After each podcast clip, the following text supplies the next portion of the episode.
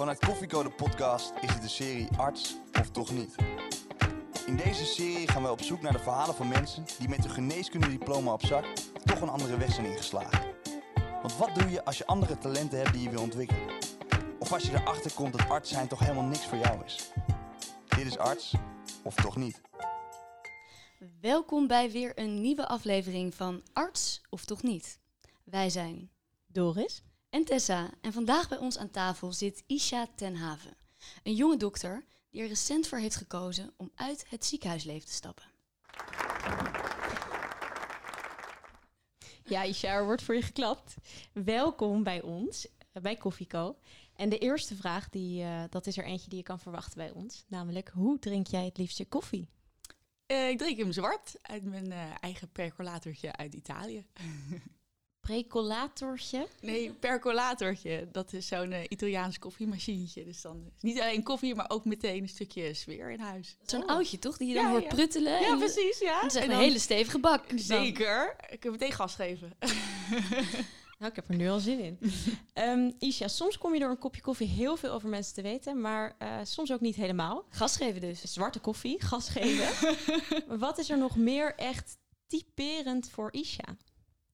Ehm, ja, ik denk, dat vind ik wel een lastige vraag. Maar eh, wat typerend voor mij is dat ik eh, ja, heel veel van afwisseling hou en van uitdaging. En dat ik eh, soms ook wel snel verveeld kan zijn. Dus ja, dat ik op zoek ben steeds naar nieuwe avonturen. Ja. En tot nu toe gaat dat heel goed.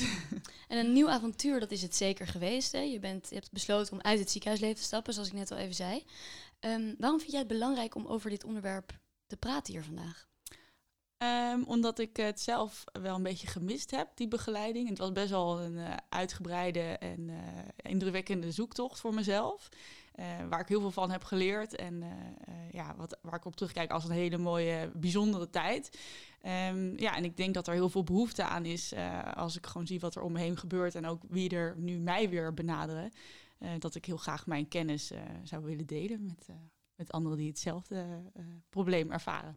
Dat is nou precies wat we vandaag gaan doen. Dus, ehm, maar allereerst willen we even terug in de tijd, naar jouw studententijd. Waarom ben je eigenlijk geneeskunde gaan studeren? Ehm, ja, ik ben denk ik zelf eh, een beetje een product van een doktersroman. Dus het is ook wat ik, eh, wat ik heb meegekregen. Mijn vader was eh thoraxchirurg en mijn moeder werkte op de IC. Dus nou, zo hebben zij elkaar ontmoet. En dat is ook wat ik van huis uit altijd heb gezien. En eh, ja, mijn vader was altijd onwijs gepassioneerd over zijn vak. En eh, heeft, kon er altijd heel bijzonder over vertellen. Ehm, ja, en ik denk dat dat ook vaak dan is eh, ja, waar je veel mee geconfronteerd wordt. eh, ja, daar ga je het meest naar op zoek. Ehm, en ik vond het eh, ontzettend eh, bijzonder. En eh, ook eh, op school eh, ja, herkende ik gewoon heel veel in dat soort vakken. En eh, eh, ja. Denk je dat het effect op je heeft gehad in je keuze? Dat je ouders... ja, ik denk niet, niet bewust. Het is totaal niet dat ze zei van je moet dit doen. Maar het is wel eh, waar je dan, ja, wat je veel ziet. Ehm, ja, dus dan is het, ja, dan rol je daar wat makkelijker in. Omdat, ehm, ja, ik denk als mijn ouders een heel ander vak hadden gedaan, dan, ja, dan word je wel wat minder mee geconfronteerd. En dan was je misschien een hele andere kant op gegaan. Dus het kan, eh, het kan het een en ander wel versterken. Vind je dat je weet waarvoor je kiest als je begint aan een geneeskundestudie? Ja, ik denk dat je wel, wel een indicatie hebt van hoe het gaat zijn. Maar ja, dat is heel, heel lastig om dat van tevoren eh, te weten. Maar dat zal denk ik bij elk vak, eh, elk vak zo zijn. En toen je eenmaal begon aan geneeskunde, was het wat je had verwacht?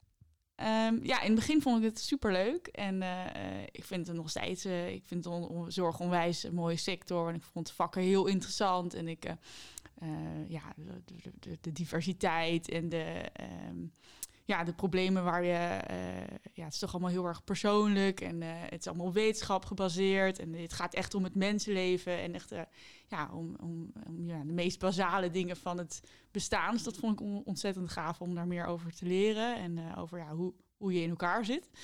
Ehm, ja, en toen kwamen kooschappen en daar had ik heel erg naar uitgekeken. Van nou, nu gaat het beginnen. En dat, ja, dat viel, was een beetje, ja, viel een beetje tegen eigenlijk. Want eh, eh, ja, ik had gehoopt dat ik heel veel kon bijdragen. Maar ik- ja, ik vond mezelf toch steeds een beetje aan de zijlijn. En eh, ja, daar, ja, daar kon ik wel minder goed mee omgaan. Ik wilde heel graag heel veel bijdragen en ja, veel doen. Maar ja, omdat het systeem natuurlijk is ingesteld dat je steeds op een andere plek zit. En ja, eigenlijk toch nergens echt onderdeel van bent, kan je niet zoveel doen. En ja, dat heeft niet zoveel te maken met de dokters met wie je meeloopt, want het klimaat is nou gewoon helemaal hoe het is. En ik heb zelf ook niet heel snel een beter, uh, betere oplossing. Maar ja daar, ja, daar kwam ik niet helemaal tot mijn recht. Dus ehm, ja, ik vond het uh, wisselend, laat ik het zo zeggen. Was er tijdens jouw studie al eens twijfel over het pad wat je aan het bewandelen was?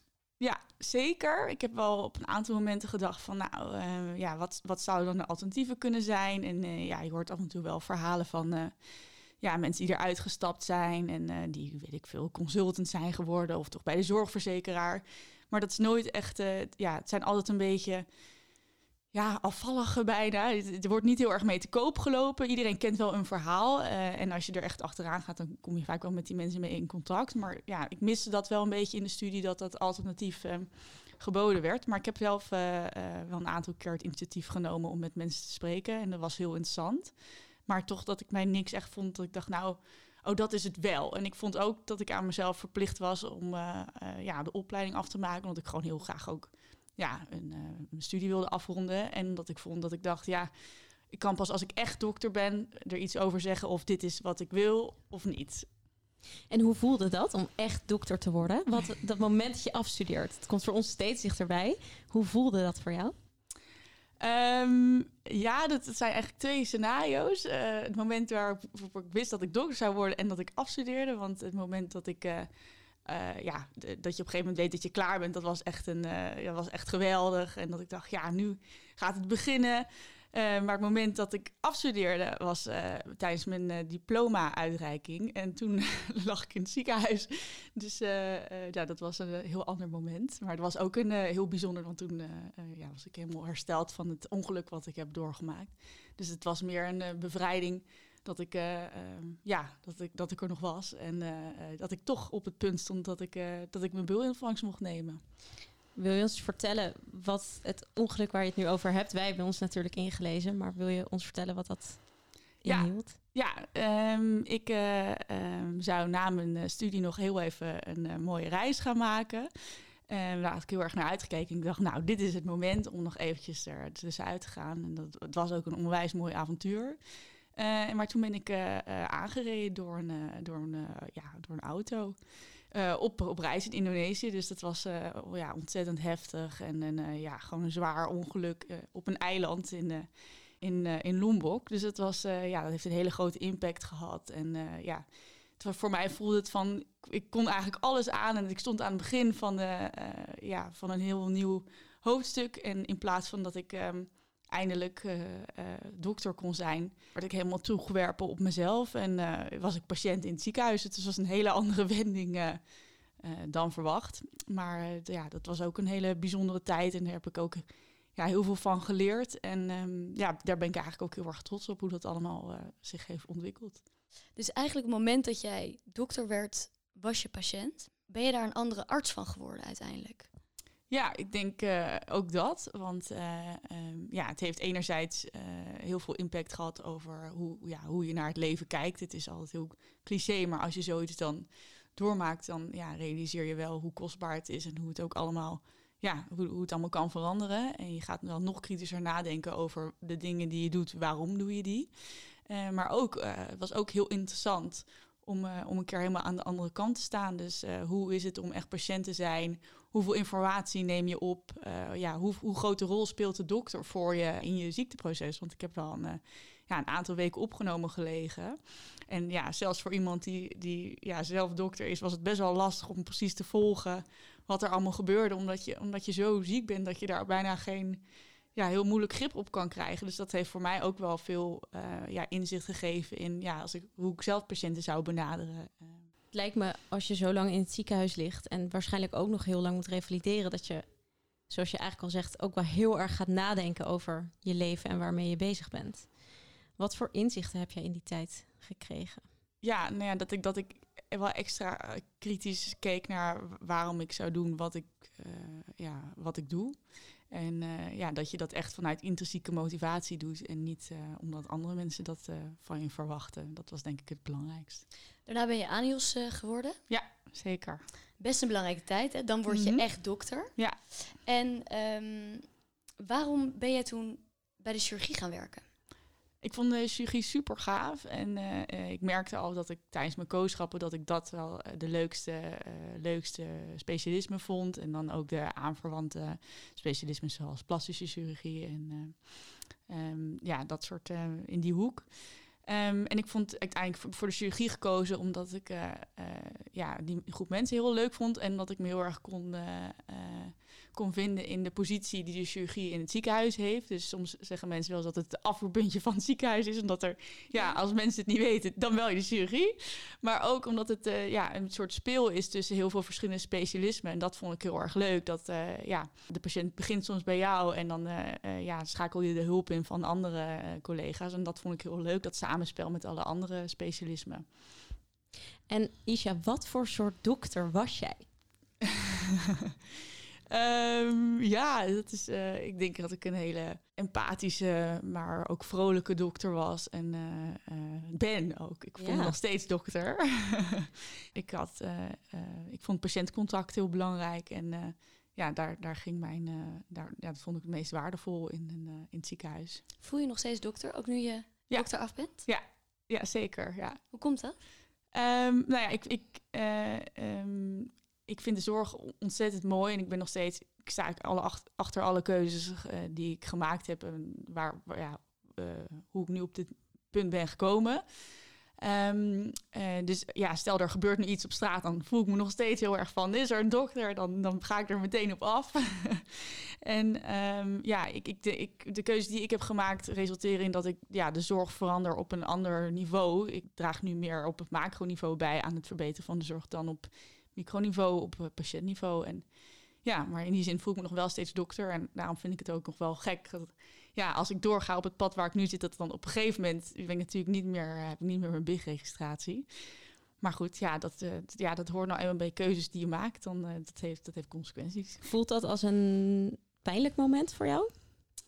Nou ja, niet pijnlijk. Ik vind, het, ja, ik vind het wel jammer, maar het is nou eenmaal ja, hoe het systeem georganiseerd is. En ik denk dat het ook heel goed is hoor. Want ja, als, ik- als ik straks tien jaar eh, niet meer praktiserend arts ben, is het heel gek dat ik nog allemaal medicijnen kan voorschrijven. Maar ehm, ehm, ja, ik voel me nog wel steeds eh, dokter. En we gaan het hebben over die keuze. Want dat is eh, denk ik vooral vandaag van belang. Jij, we zijn jou eigenlijk op het spoor gekomen, Isha, door een bericht wat jij plaatste op LinkedIn. Vier maanden geleden plaatste jij dat je had besloten om je baan als dokter op te zeggen. Dit bericht dat zorgde best wel voor een heel aantal reacties. Kan je straks allemaal zelf vertellen. En dit, dit bericht begon met een kort stukje van jouw verhaal. En we willen eigenlijk vragen of je dat even wil voorlezen. Sinds december werk ik niet langer als dokter in het ziekenhuis. Een lastige beslissing die het resultaat is van een lange zoektocht. Desondanks ben ik erg blij met de jaren die ik bij de chirurgie heb gewerkt. Het is ongelooflijk bijzonder om dokter te zijn, maar soms moet je keuzes maken waarbij je van bepaalde dingen afscheid moet nemen. Hoe is dat om dat ervoor te lezen? Het zijn je eigen woorden van eh, klopt. vier maanden geleden. Ja, ja het- als, ik, als ik het zo lees, voelt het ook een beetje droevig ergens. Maar eh, ehm, ja, zo ervaarde ik het op dat moment niet. En nu? Nee, ja, eigenlijk ook niet. Maar als ik het zo lees, klinkt het eigenlijk een beetje triestig. Maar eh, Wil je het even opnieuw voorlezen? ja. Ging goed hoor. Ik zie hier geen dro- droevige Isha voor me zitten namelijk. Nee, ja, ik weet het ook niet. Maar als ik het zo lees, klinkt het, ja. Wat heeft jou bewogen om dit bericht te schrijven?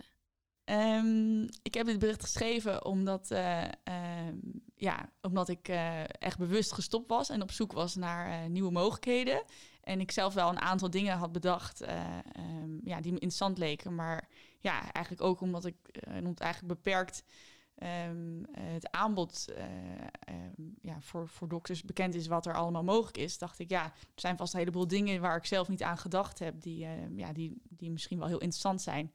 Ja, dus misschien ja, komen er nog wel een heleboel andere mooie dingen op mijn pad. Dus dat was een van de redenen. En ook van de, een van de andere redenen was dat ik dacht, ja, ik heb deze keuze gemaakt, daar ben ik ook trots op. Dat hoort er ook bij, bij het leven, om dat soort dingen te delen. Je zegt nu dat je het, met, dat je het droevig voorleest, maar met wat voor gevoel plaatste jij dit bericht? Ja, ik was eigenlijk heel trots en ik was helemaal niet eh, heel droevig. Ik was heel erg besluitvaardig van, nou, ik heb, eh, ja, het was een lang proces en het was eh, niet altijd leuk, maar ik ben heel blij met ja, de keuze die ik nu gemaakt heb. Ik sta nu aan de voet van een eh, ja, nieuw avontuur. je schrijft dus eigenlijk ook, en je zegt het nu weer, dat het een lang proces is geweest, een lange zoektocht. Wij zouden heel graag eens even helemaal terug willen gaan naar hoe die zoektocht startte en hoe die zoektocht jou verging in het Anios zijn. Kun je ons eens meenemen daarin?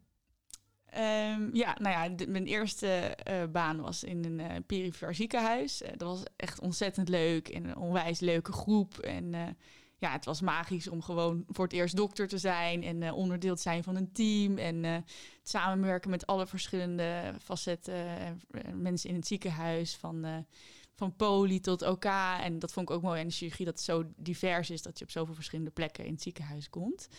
Um, en dat ging eigenlijk ook hartstikke goed. En dan, ja, dan is ook een beetje de vraag... Ja, vind je het leuk omdat het goed gaat? Uh, omdat andere mensen vinden dat je het goed doet? Of vind je, de inhoud echt, echt heel leuk? Um, ja, en toen twijfelde ik ook al een beetje. Uh, maar goed, toen dacht ik nou... Hè, ik, ik neem al deze informatie mee. En um, ja, ik ga gewoon de weg verder, verder bewandelen. Tot, ja, zolang, zolang ik, ik me nog op mijn plek voel ja, dus na het bovenei dacht ik, uh, nou, wat is nu de vervolgstap? Ofwel een promotie, uh, ja, ofwel uh, naar een ander ziekenhuis of naar de academie. Toen dacht ik, nou, ik, een promotie, dat past niet zo bij mij. Dus ik, um, ja, ik dacht, ik ga kijken wat dan, welk ziekenhuis ik, ik ga werken.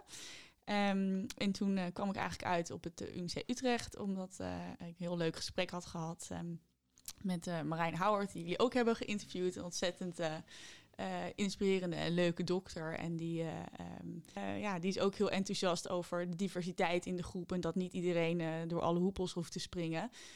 maar dat je gewoon ja, je eigen kwaliteiten verder moet ontwikkelen. En dat, nou, dat sprak me heel erg aan. Dus toen heb ik ervoor gekozen om de overstap te maken naar Utrecht. En nou, dat was ontzettend leuk. Ja. Wilde jij op dat moment nog chirurg worden? Zeker, ja. Anders had ik dat, had ik dat niet gedaan. Want ja, ik wist wel, als je naar de academie gaat, um, ja, het is toch weer een hele andere manier van, van, van werken en van inhoud en andere soort patiënten.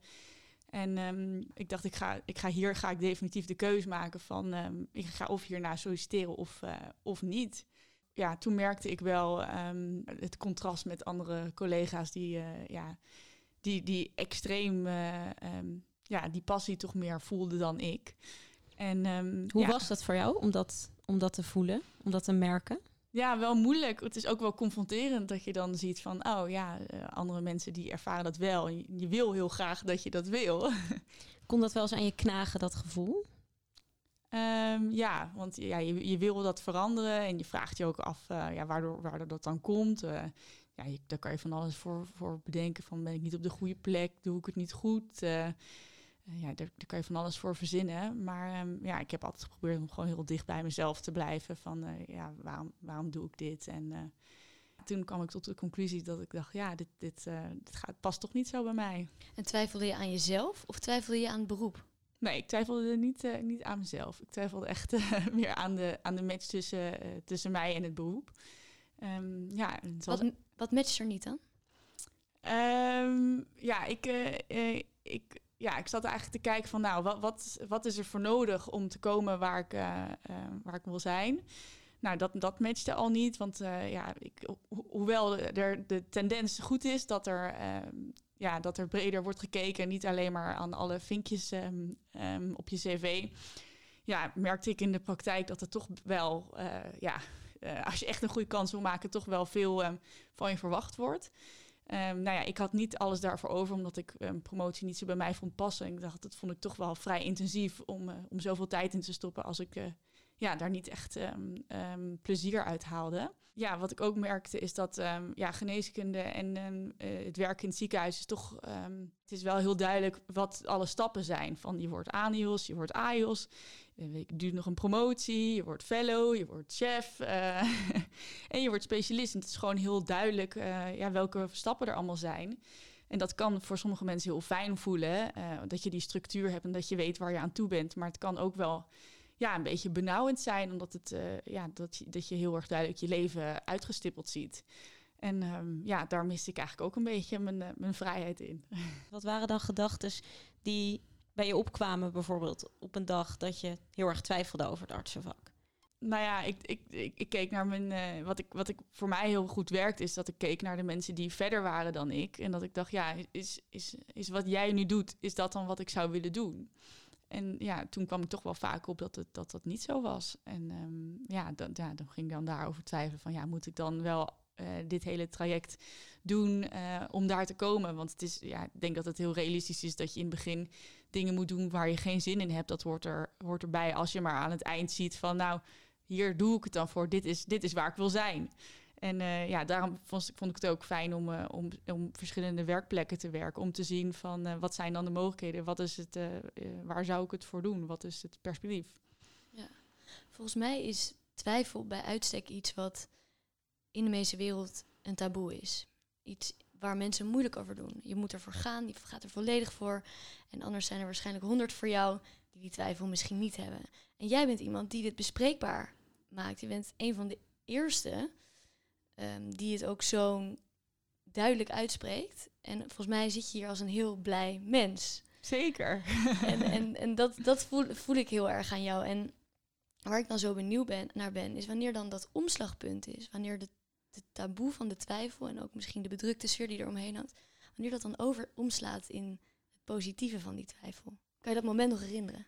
Um, ja, ik, ik denk dat het, het moment um, uh, dat het voor mij echt als een bevrijding was, is toen ik echt had besloten van oké, nou, ik ga er dus echt mee stoppen. Want in het begin was ik er gewoon ja, vooral heel verdrietig over. Dat ik dacht, ja, waarom, waarom is het nou niet zoals ik het zou willen? Waarom, waarom past het nou niet in het plaatje wat ik, ja, wat, wat ik altijd uh, uh, had bedacht? Van waarom ik dit ben gaan doen. Um, en toen ik op een gegeven moment had besloten van uh, oké, nou, ik ging in, in het UMC werken en ik dacht, nou, na een half jaar zouden we evalueren wat ik zou gaan doen. Of ik zou gaan solliciteren. Uh, of in ieder geval, niet misschien meteen dan, maar uh, dat zou dan de vervolgstap zijn. Toen dacht ik, nou oké, ik, ga hun, hun, uh, ik ga hun advies afwachten. En dan, als zij dan zeggen ja of ze zeggen nee, dan, dan weet ik waar ik aan toe ben. Maar toen dacht ik, ja, dat is eigenlijk helemaal niet eerlijk. Want dan plaats ik de keuze buiten mezelf. Ik moet zelf zeggen wat ik wel of niet wil. En, en um, ik, heb, ik heb wel bewust, nou, ik heb toen zelf die keuze gemaakt. Ik dacht, nou, weet je, de, ik heb, ik heb echt alles aan gedaan. En dat vond ik heel belangrijk. Ik dacht, nou, ik weet echt precies waar ik, hè, waar ik nu tegenaan kijk. Ik heb alle facetten gezien. En uh, nou, ja, dit is het toch niet. En um, uh, toen dacht ik, nou, ik ga toch gewoon dat gesprek afwachten. Want ik ben gewoon benieuwd hè, hoe, hoe zij er naar keken. En ja, dat was een ontzettend leuk gesprek. Maar zij zei, ja, zij, zij, zij hebben natuurlijk ook onwijs veel ervaring. En zij zeiden ook van, nou, volgens mij uh, um, uh, ja, ben je toch niet helemaal op je plek. En toen zei ik, nou, dat, dat, dat klopt. En ik heb onwijs, het was ontzettend leuk, superleuke tijd gehad. Heel veel bijzondere ervaringen met patiënten, met collega's. Het was onwijs leuk om onderdeel te zijn van zo'n zo'n bijzonder team en zo'n traumaopvang te zien in zo'n universiteitscentrum. Dat is echt zo bijzonder hoe iedereen met elkaar samenwerkt. En dat, was, dat zou ik helemaal niet willen missen. Maar ja, ik kijk er gewoon terug op als een uh, mooie periode. Maar ja, mooi hoofdstuk, maar wel een afgesloten hoofdstuk. En wat denk je dat zij... Uh, waren er concrete dingen die zij aan jou, aan jou merkte... waardoor zij ook dachten van... misschien moet zij toch iets anders gaan doen? Er wordt toch een soort van... Uh, er wordt toch heel veel van je verwacht. En um, ik merkte dat sommige mensen gewoon heel ver daarin gingen... Uh, te ver, naar mijn mening. Bijvoorbeeld uh, op je vrije dagen alsnog komen om te opereren. En um, ja, in je vrije tijd nog heel veel artikelen uitzoeken. En ja, dat, uh, ja dat, dat, dat vond ik gewoon te veel. En um, ja, ik, ik, ik, wil, ik, ik vond het vervelend om mezelf zo extreem in de kijker te spreken, spelen. Om, ja, om elke keer nog een stapje erbovenop te doen. Ik wilde gewoon goed werk leveren en voor patiënten iets bijzonders doen. Maar ja, waren er ook medisch inhoudelijk of vakinhoudelijk dingen die jij, die jij miste? Waardoor je, want je zegt ik keek naar het eindpunt, naar waar je dan kan zijn als specialist.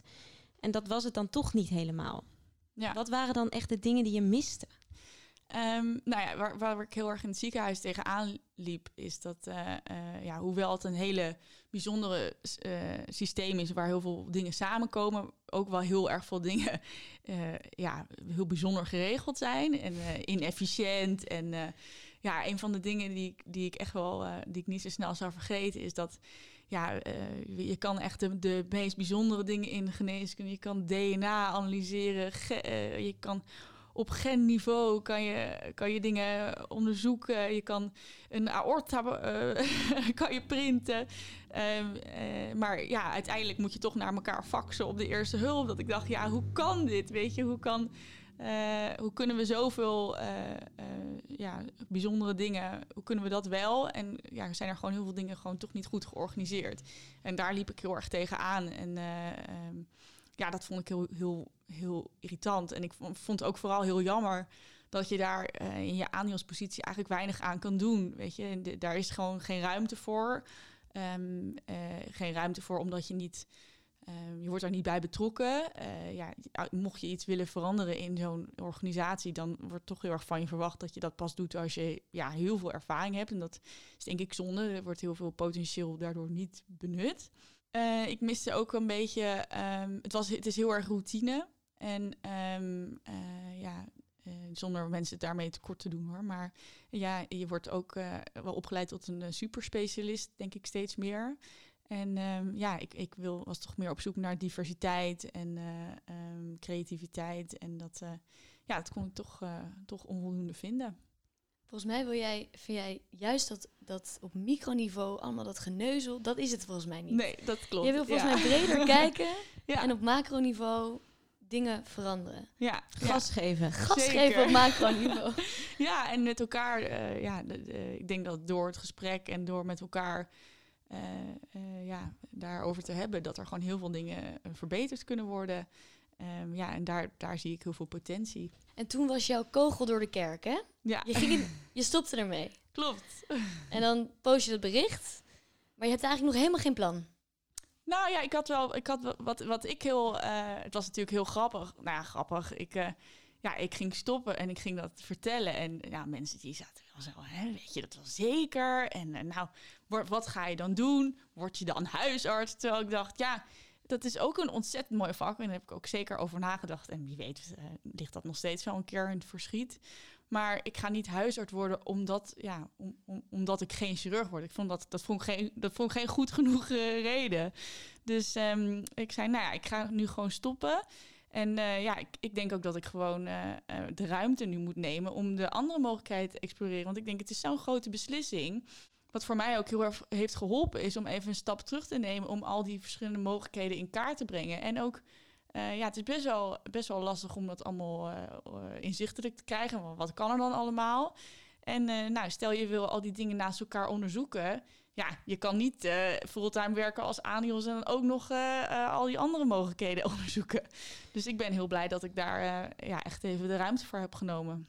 Het bericht wat jij op LinkedIn hebt gezet, wat je net deels hebt voorgelezen, is totaal geëxplodeerd.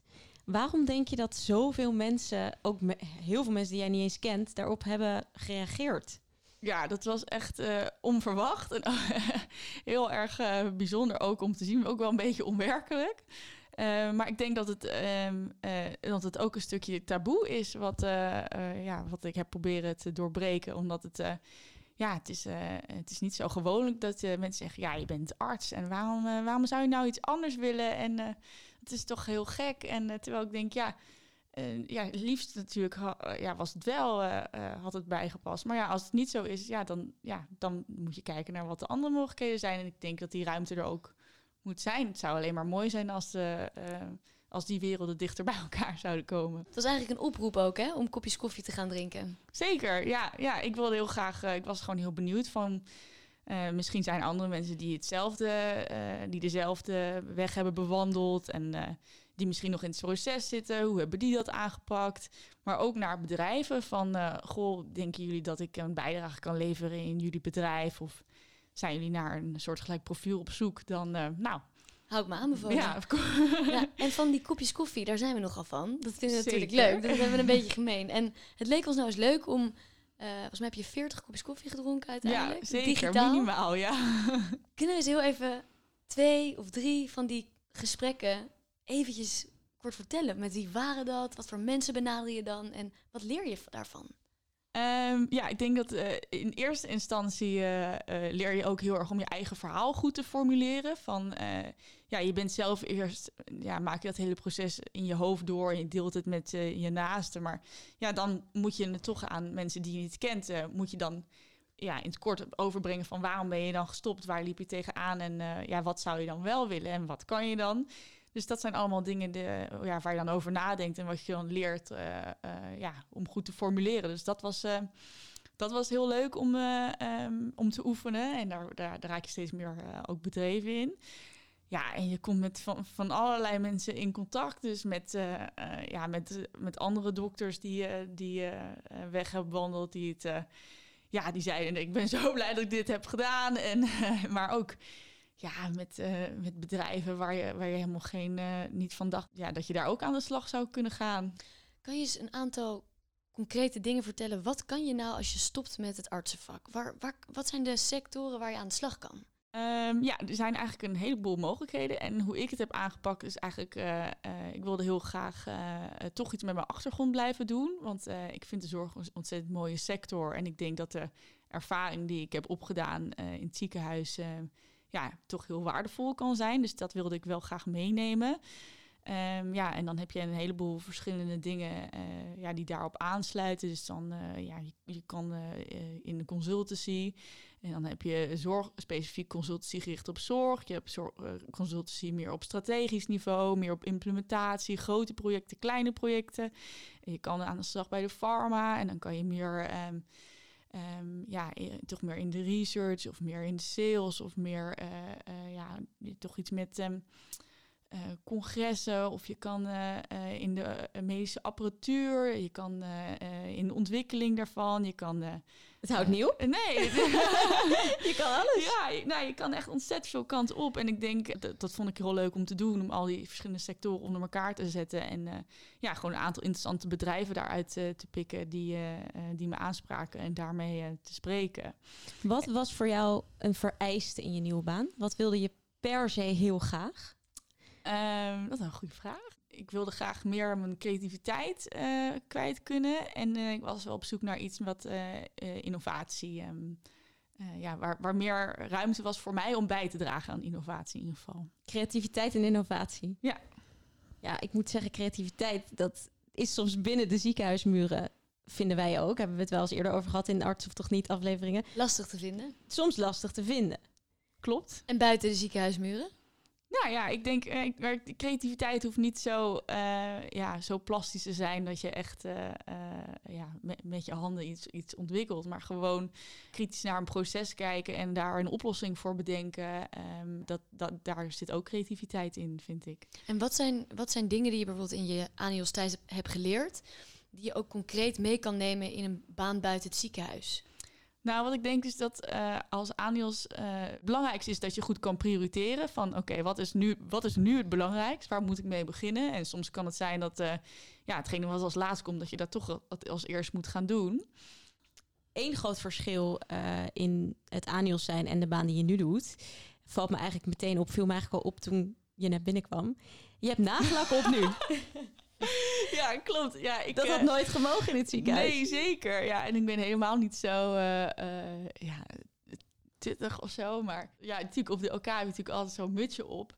En ik dacht, eigenlijk wilde ik gewoon heel graag eh, mijn haar een keer afknippen. En toen heb ik mijn baan opgezegd, heb ik meteen in een pony geknipt en mijn nagels gelakt. Dacht ik, nou, hier heb ik al zo lang. Dacht ik, ik ga het nu gewoon doen. Dit is eh nieuwe start, eh nieuwe... maar goed, Even dat, lekker tegen alle OK-regels in. Ja, precies. Maar goed, dat wist het ook alweer per maand. Nu heb ik het weer anders. Ik vind het meer Even terug over één, nog even één kopje koffie horen. Van iemand die je echt heen heeft geïnspireerd of heeft geholpen. Of een gesprek waar je veel aan hebt gehad.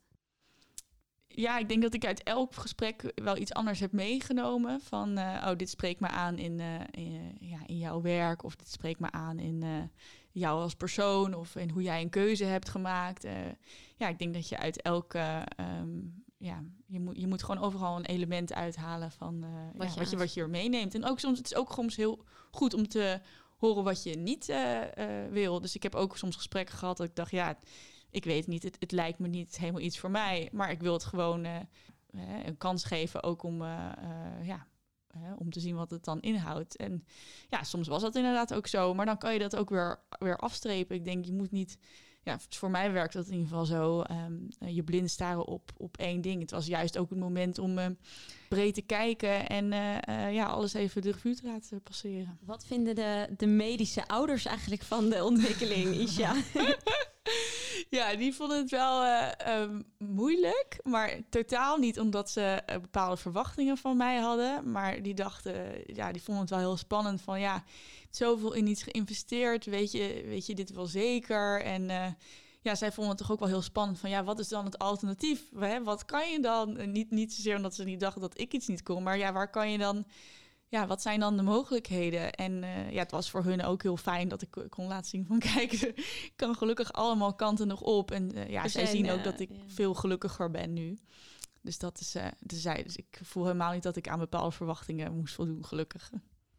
Dat is dus eigenlijk het hele probleem. Dat, dat wat je ouders dachten van... zijn er wel genoeg mogelijkheden voor, voor mijn dochter? Dat weten wij als geneeskundestudenten niet zo goed. Wat die mogelijkheden zijn. Ja. Toch? Dat is ook, denk ik, het taboe wat je probeert te doorbreken.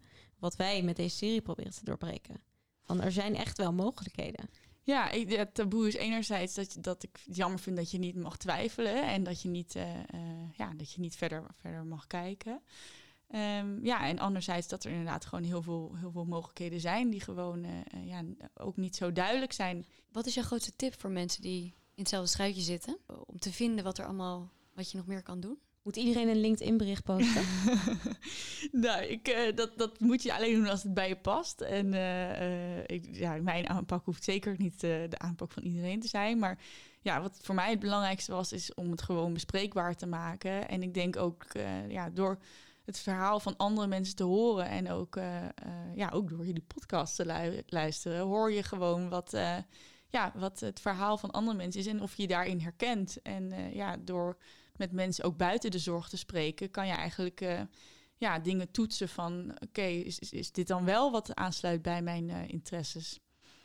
Ik denk dat mensen die met deze twijfel zitten, um, ik kan er ook over meepraten eigenlijk, die kunnen zich soms best wel zorgen maken. Mm -hmm. Omdat het zo onduidelijk is. Ja.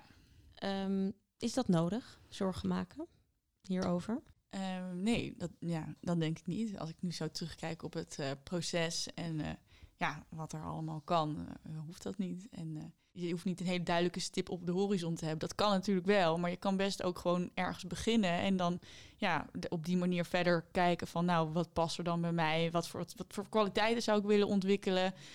Ja, en dan vanaf daar verder te gaan. Het is niet zo duidelijk dat je echt een specialisatie hebt van, de, van zes jaar, een traject waar je aan begint. Ik denk dat iedereen nu hartstikke benieuwd is inmiddels wat je dan wel bent gaan doen. Want vier maanden is niet eens zo'n hele lange tijd. Um, en toch heb je nu wel inmiddels een baan uh, uitgesleept, waarschijnlijk uit een van die kopjes koffie. Je bent nu service, service designer bij een bedrijf dat zich inzet voor digitale transformatie in de zorg. Best een beetje abstract. Um, wat houdt jouw baan dan nu in? Wat doe jij? Dat natuurlijk graag vertellen. Ik denk dat dat ook uh, heel belangrijk is dat als je zelf uh, zeg maar, uh, naar nieuwe mogelijkheden kijkt, dat je heel erg doorvraagt van wat is dat dan? Want ja, mensen kunnen natuurlijk ja, hele, soms hele mooie titels. Maar wat is dan, wat doe je dan eigenlijk met je nieuwe functie? Uh, ja, eigenlijk ben ik een soort projectleider van het ontwikkelen van nieuwe diensten. Um, ja, en ik denk dat in de, de toekomst van de gezondheidszorg ja, heel erg gericht is rondom de patiënt. Uh, en wat minder rondom de dokter en het ziekenhuis. Dus uh, ja, met ons bedrijf proberen we de zorg, ja, de juiste zorg op de juiste plek te leveren. En dat is, ja, proberen we zo dicht mogelijk bij de patiënt. Dus als het kan bij de patiënt thuis of eventueel bij de huisarts. Maar ja, niet meer in het ziekenhuis. in ieder geval niet de zorg die daar niet nodig is. ja, en daardoor beter ook te selecteren van ja, wat, wat waar moet. En um, ja, daar ontwikkel ik eigenlijk nieuwe zorgpaden voor. Dus... Um, ja, dat kan in allerlei, uh, op allerlei uh, gebieden zijn, allerlei soorten speci specialismen. Creatief wel. Ja, zeker. Je zegt zorgpaden. Wat, wat betekent het concreet? Wat doe je dan? Wat, wat is het en wat doe je? Ja, een zorgpad is eigenlijk een route van een patiënt van, van klacht uh, uh, tot dokter tot oplossing. Uh, en eigenlijk in samenwerking met alle verschillende partijen die daarbij betrokken zijn, be bekijk ik naar wat zou een mogelijk alternatief kunnen zijn op, het, ja, op de conventionele route. Dus in plaats van dat iemand met een, een probleem naar de huisarts gaat, dan wordt verwezen naar het ziekenhuis. ga ik in gesprek met zowel huisarts, eventueel thuiszorgorganisatie, medisch specialisten. Uh, en soms ook met patiënten van, nou ja, hoe kunnen we de zorg beter organiseren? Wat ben jij nu concreet, nu, wat je dagelijks doet in je nieuwe baan, wat ben je nu aan het ontwikkelen? Ehm, ja, ik ben eigenlijk eh, eh, ja, eigenaar dus van een, eh, van een project. Dus dat wil zeggen dat je eigenlijk heel veel verschillende eh, facetten hebt van, een, eh, ja, van iets wat ik aan het opzetten ben. Dus ja, je moet dat ja, eigenlijk een soort managen. Is het zoals je in het ziekenhuis soms een zaal managt, ben ik hier gewoon bezig met een projectplan. En dat is dan iets wat... ja, wat denk ik, wat een groot contrast is met het ziekenhuis, is dat je, ja, je begint de dag en er komen gewoon een heleboel dingen op je af. En jij moet zorgen dat het, eh, dat het zo goed mogelijk geregeld wordt. En nu begin ik de dag en moet ik, heb ik zelf de regie over ja, wat, wat, eh, wat ik ga doen.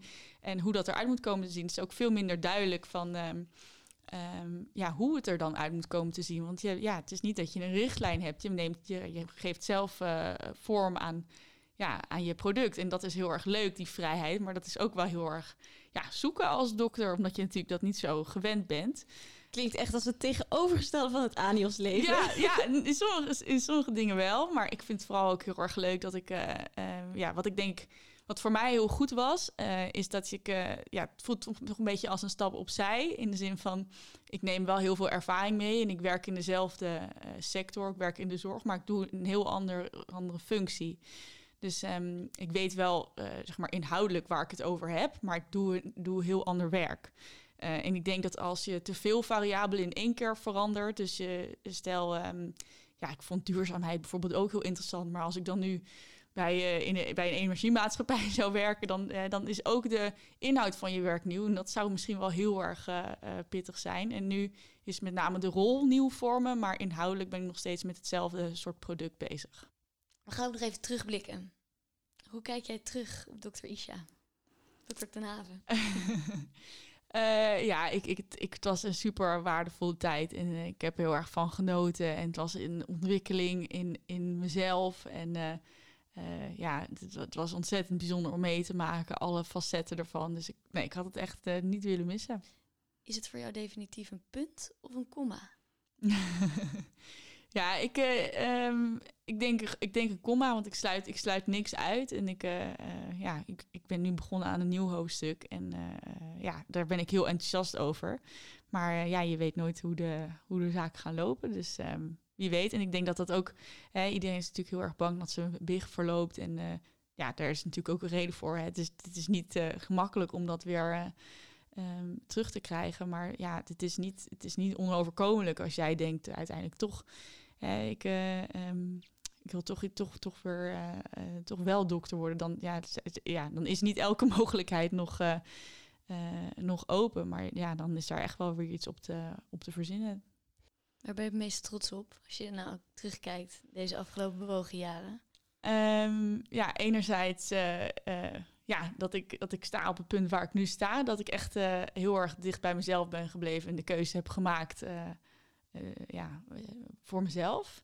En eh, ja, ook door eh, eh, ja, het, jaar dat ik in een rolstoel heb gezeten, hoe ik, eh, ja, hoe ik toen naar het leven heb gekeken, was, eh, ja, was natuurlijk heel erg moeilijk. In plaats van dat ik eh, kon werken en eh, ehm, ja, de dokter kon zijn die ik wilde zijn, stond ik aan de zijlijn. En dat, eh, ja, dat was heel erg confronterend, maar ik heb er onwijs van genoten. Want ik heb, ja, eh, ik heb een heel, heel erg bijzondere tijd met mijn eh, familie kunnen, eh, kunnen hebben. En ja, dat is ook heel kostbaar. Ik bedoel, ja, dat krijg je, eh, ja, daar, daar had ik niet bewust voor gekozen. Maar dat eh, was wel heel erg mooi om mee te maken. En eh, ja, weet je, ik probeer gewoon heel erg te genieten van de dingen die zo op mijn pad komen.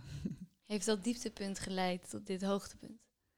Denk je? Ja, misschien wel. Ik denk dat het wel, het heeft wel heel veel impact gehad. En ehm, ja, het is toch een soort actie-reactie, hè? Butterfly effect. Oké, nou, Ja. we naderen dan nu echt het einde van dit interview. Ehm, maar die kunnen we niet afsluiten zonder de gouden tip die jij eh, de luisterende geneeskundestudenten, jonge dokters of wie er dan ook luistert, om jouw gouden tip aan hen te geven. Wat wil jij hun meegeven? Ehm, ik denk dat eh, mijn tip zou zijn is, eh, als je twijfelt ergens over, dan, eh, ja, dan is het helemaal niet gek om, eh, om daaraan toe te geven en eh daarnaar te luisteren. En eh, ga vooral het gesprek aan met jezelf, maar ook met mensen om je heen. Eh, ja, zodat je dan een weloverwogen besluit kan maken, wat het eh, besluit ook mogen zijn. En eh, ik denk dat de mogelijkheden, mogelijkheden eindeloos zijn. Mooi, eindeloos. Dan nog één vraag. Oeh. Want het heet Maar niet... toch niet. Kijk, je weet het al. Ja, ja je hebt, je hebt veel, je hebt veel aflever, afleveringen geluisterd. Dus dat is niet eerlijk. Ik ga hem toch stellen. Ben jij arts of ben je dat niet? Ja, ik ben toch arts. Ja? Ja, toch wel. Oké. En hoe dan? Nou, ik, eh, eh, ja, ik, ik, ik, ja, ik, ben, ik draag ook bij aan het verbeteren van de zorg van mensen, maar op een, eh, nu op een andere manier. Macroniveau. Op macroniveau. Maar nog steeds het gas erop. Nog steeds het gas erop. Ja. En ben je bereid, denk je dat je in de toekomst die arts wel van jou zou kunnen distancieren? Of blijft het altijd bij jou? Nou, ik denk dat het een, een andere positie krijgt in je leven. Ik bedoel, eh, ja, eerst was ik fulltime arts, maar ik denk, eh, ja, eh, de kennis die je, die je hebt, die neem je toch op een bepaalde manier mee. En eh, eh, ja, mocht het toch nog een keer van pas komen, ja, ik zal niet onge- ongevraagd iedereen advies, van advies voorzien, maar ja, ik denk, eh, ehm, ja, je, je wordt toch dokter omdat je daar, eh, eh, ja, daar een soort, passie voor hebt. Dus ja, mocht, mocht er een situatie zijn dat je bijvoorbeeld... ik heb echt al zo vaak gehad dat op een of andere manier trek ik dat toch aan... dat er dan mensen in, in het park onderuit gaan. Ik heb zoveel mensen gereanimeerd. En, ja. en ongelukken, ja, ik weet niet. Sommige Ik heb nog nooit iemand gereanimeerd in het Nee? park. Oh ja, ik weet niet. hoor. Ja, ik heb ook toch op een of andere manier best wel soms het gevoel dat mensen denken: oh nee, daar heb ik geen zin in. Maar dan denk ik altijd: oh jawel, we gaan er naartoe, we gaan, het, we gaan ze helpen. Hé, maar dit is weer zo'n grote contradictie. Toch? Hoezo? Want dan vind je dat dus wel heel leuk. Ja, ik vind het ook heel leuk. Ja, maar ja, ja. dit, ja, de, is de, het niet. de omstandigheden die, eh, ja, die hebben er gewoon toe geleid dat, ik, ja, dat Ja. ik tot een andere keuze ben gekomen. Ja. Maar ik vind het vak op, op, ja, intrinsiek heel, heel mooi. En Ja. ik vind het heel mooi om mensen te kunnen helpen. Maar ja, ja de- het klimaat is nou allemaal zoals het is. En dus alle, ja, door eigenlijk door een optelsom van de, van de secundaire eh, voorwaarden, ja, heb ik tot de conclusie gekomen dat het, dat het toch niet gaat passen. Je bent, Ja. gewoon, je bent gewoon arts. Het is gewoon een dikke vette ja. Ja, Op, alleen op jouw eigen invulling. Op macroniveau. ja. En gas erop. Zonder twijfel. Nou, ik denk dat dat dan een mooie afsluiter is voor dit eh, hele mooie interview. Isha, heel erg bedankt dat je hier met ons over wilde praten. Eh, wij zijn in ieder geval zeer geïnspireerd door jou. Dus dank je wel voor het, eh, voor het bezoekje aan Koffieko. Geen probleem. Graag Ja. gedaan. En beste luisteraar, jullie ook ontzettend bedankt voor het luisteren. Mis de volgende podcastafleveringen niet. Eh, we blijven ook doorgaan met deze serie, arts of toch niet. En ehm, gouden tips van jullie zijn ook altijd welkom. Dus volg ons op alle kanalen en ehm, tot de volgende keer. En als we één ding hebben geleerd vandaag is maak die twijfel bespreekbaar met wie dan ook. Durf het, ga het aan, steek het niet onder stoel of bank, want uiteindelijk heb je er zelf veel meer aan.